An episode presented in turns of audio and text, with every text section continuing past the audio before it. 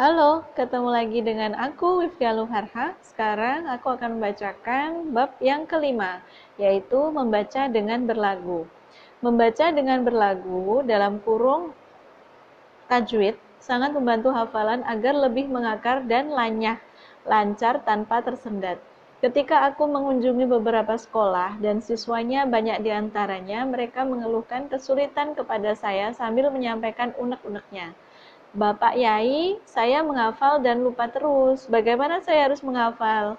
Mayoritas mereka menyampaikan unek-uneknya itu sekaligus menyampaikan cara membacanya dengan berujar, kami membaca dengan bacaan biasa, seolah-olah mereka sedang membaca buku atau koran. Ini kesalahannya. Membaca Al-Quran tanpa berlagu adalah tidak baik. Kita harus membacanya dengan indah dan berlagu. Sahabat Abu Musa Al-Ash'ari radhiyallahu an pernah membacakan Al-Quran. Dan Rasulullah mendengarnya. Nabi merasa senang dengan bacaannya. Abu Musa menoleh dan berujar, Wahai Rasulullah, apakah engkau mendengarkan bacaanku? Nabi menjawab, engkau telah diberi salah satu seruling Dawud.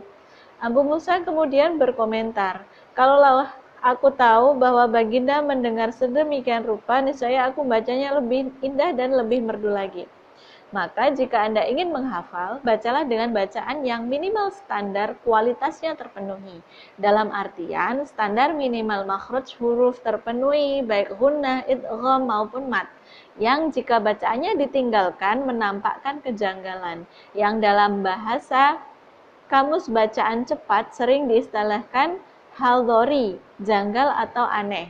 Bacaan yang baik artinya jelas ketika membaca mat, hunnah, dan makhraj huruf yang penting, juga dengan berlagu.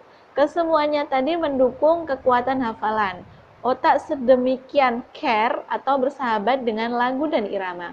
Setiap orang ketika mendengarkan bacaan Iqra bismi rabbikal ladzi khalaq khalaqal insana min 'alaq Bacalah dengan menyebut nama Tuhanmu yang menciptakan. Dia telah menciptakan manusia dari segumpal darah. Surat Al-Alaq yaitu surat ke-96 ayat ke-1 dan ke-2. Dengan bacaan kolkolah jelas pada huruf qaf baik dalam kata iqra maupun kholak, ia merasakan ayat tersebut mempunyai kehormatan dan wibawa sekaligus keindahannya. Dan ayat yang sesudahnya kita temukan nada yang menyentuh yang memudahkan untuk menghafal. Manusia secara fitrah alamiah tercipta mencintai lagu dan irama. Setiap orang, orang Arab atau tidak, laki-laki, perempuan, ibu ataupun wanita karir, kita temukan ia senang dengan lagu atau irama atau bacaan ayat-ayat Al-Qur'an. Dan bukankah Anda juga senang Zabang bayi ketika di perut ibu yang ketika itu kepalanya dekat dengan ibu, ia memberi ketukan yang iramatis selama 9 bulan. Bum bum bum. Dan ari-ari ibu mentransfer suara ketukan hati dengan cara fantastik ke anak seolah-olah memberinya rasa aman, menenangkan dan memberi irama lagu. Memberinya kenyamanan mental sehingga anak hidup dengan irama lagu dung dung dung. Ketika anak terlahir dan ketika jauh dari ibunya, maka ia akan menangis. Dan ketika ia mendekati ibunya dan mendengarkan denyut jantungnya, ia kembali merasa nyaman. Dan setiap kali anak itu menjauh dari hati sang ibu, ia menangis, meronta sembari berteriak, Tolong kembalikan aku ke lokasi yang padanya aku merasa nyaman. Setiap kita, entah ia mengiyakan atau mengingkari, pasti suka mendengar. Namun di sana ada garis merah dan garis hijau dalam syariat kita. Anda boleh bersenang-senang bertabuh suara gendang, asalkan masih dalam batas-batas hijau. Dan jika Anda melanggar syariat dan agama kita, maka yang demikian tidak diperbolehkan. Dan Anda tentu tahu batasan-batasan yang merah itu. Singkatnya, jika Anda ingin menghafal Al-Quranul Karim, maka hafalah dengan lagu yang alamiah dan dengan irama yang bisa menguatkan hafalan. Jika kita plesir ke desa di seluruh dunia, subhanallah, dan kita suruh anak-anak perempuan kecil dengan berujar bacaan Al-Fatihah, maka ia segera membaca Bismillahirrahmanirrahim dengan irama yang khas. Dari mana ia temukan irama itu? Ia membaca tidak seperti membaca buku. alias berbeda dengan bacaan lumrahnya. Laki-laki yang belajar seni lagu di salah satu pesantren di Inggris yang kita bicara tentangnya, tentang penggunaan cermin ketika belajar bahasa, ia juga belajar suara bahasa Arab.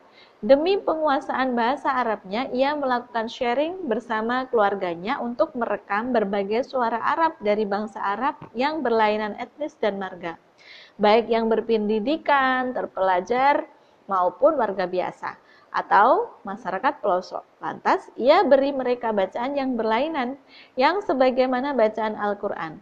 Ternyata ia temukan semua mereka ketika membaca Al-Quran menggunakan lagu dan irama yang tidak mereka gunakan ketika membaca selain Al-Quran.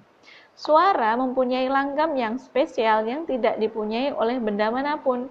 Ia rekam kesemuanya dengan alat canggih yang super detil dan ia pergi menemui dosennya yang non-muslim. Katanya, dosen, bedakan bahasa Arab ini dengan yang lain. Ia sebegitu beda bacaannya dengan yang lain, sang dosen berkomentar. Menakjubkan sekali bacaan ini. Apakah perbedaan ini dari satu atau dua orang muslimin? Sang mahasiswa menjawab, rata-rata kaum muslimin membaca dengan berlagu seperti ini. Jika ia membaca pantun, koran, berita, atau majalah, ia membacanya biasa saja. Namun, jika ia membaca ayat Al-Quran, dia membacanya dengan berlaku, tajwid, menempati gunnah dan idgham. Kukatakan kepadanya, kajian ini jika engkau perdalam dan engkau kaji secara mendalam, niscaya memberi wacana bangsa barat bahwa Al-Quran memiliki segala keistimewaannya hingga suara dan intonasi bacaannya yang turun-temurun. Sang dosen heran seraya berucap, Bagaimana kalian bisa mengambil bacaan seperti itu? Kujawab, bacaan ini diambil sang murid dari gurunya sang guru dari guru sebelumnya dan terus demikian hingga bertemu kepada Rasulullah Shallallahu Alaihi Wasallam. Inilah keistimewaan Al-Quranul Karim yang dianjurkan bagi siapa pun untuk mengakurasikan bacaannya kepada syekh guru ngajinya yang kredibilitasnya dipercaya. Syukur-syukur mempunyai sanat. Lalu kujelaskan kepadanya masalah sanat ini lebih banyak lagi.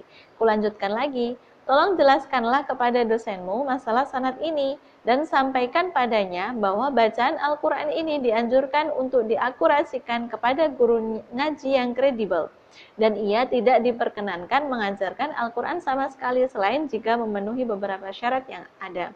Pertama, ia harus bisa menghafal Al-Quran bil ghaib, sama sekali tidak melihat Al-Quran semenjak awal hingga akhir dengan metode tertentu kepada seorang guru yang kredibilitasnya dipertanggungjawabkan dan guru mendengar bacaannya secara total. Guru tadi kemudian berujar, telah ku dengar bacaanmu, bacaanmu amat baik, maka aku memberi rekomendasi atas bacaanmu sebagaimana guru ngajiku telah memberiku rekomendasi atas bacaanku sebagaimana ia juga beroleh rekomendasi dari gurunya si Fulan bin Fulan dan sanad ini terus berlanjut hingga sampai kepada Rasulullah Shallallahu Alaihi Wasallam. Keistimewaan ini tidak diketemukan di mana pun selain pada Al-Quranul Karim. Sanad ini sedemikian familiar di kalangan ustadz. Dan sanat itu semakin populer lagi ketika dimengerti sebagian masyarakat muslimin juga tahu ada sanat yang masih bersambung kepada Rasulullah. Jumlah guru dalam satu jalur sanat ada sekian banyaknya. Ada yang 30, 35, 22, dan ada yang 28. Sedang jalur terbanyak sekarang adalah 27. Setahu saya, Syekh Ghausani sekarang ini ada seorang guru di dunia yang antara dia dan Rasulullah Shallallahu Alaihi Wasallam terdapat 26 gurunya. Banyak masyarakat menemuinya dan menyetorkan hafalan kepada beliau selama sebulan penuh. Dan ia biasa memberi rekomendasi. Syekh tersebut namanya Syekh Bakri At-Tarabishi, seorang guru ngaji di Damaskus, Suriah, yang kadang-kadang beliau datang ke Dubai. Antara Syekh Bakri At-Tarabishi dan Rasul ada 27 guru. Guru ngaji yang antara mereka dengan Rasul terdapat 27 guru banyak juga. Di antaranya adalah Syekh Ahmad Abdul Azil Aziyad. Umurnya beliau lebih dari 90 tahun. Beliau sedang sakit. Kita berdoa semoga beliau cepat mendapatkan kesembuhan. Amin. Nah, ini adalah bab kelima. Sampai jumpa di bab yang keenam. Dah.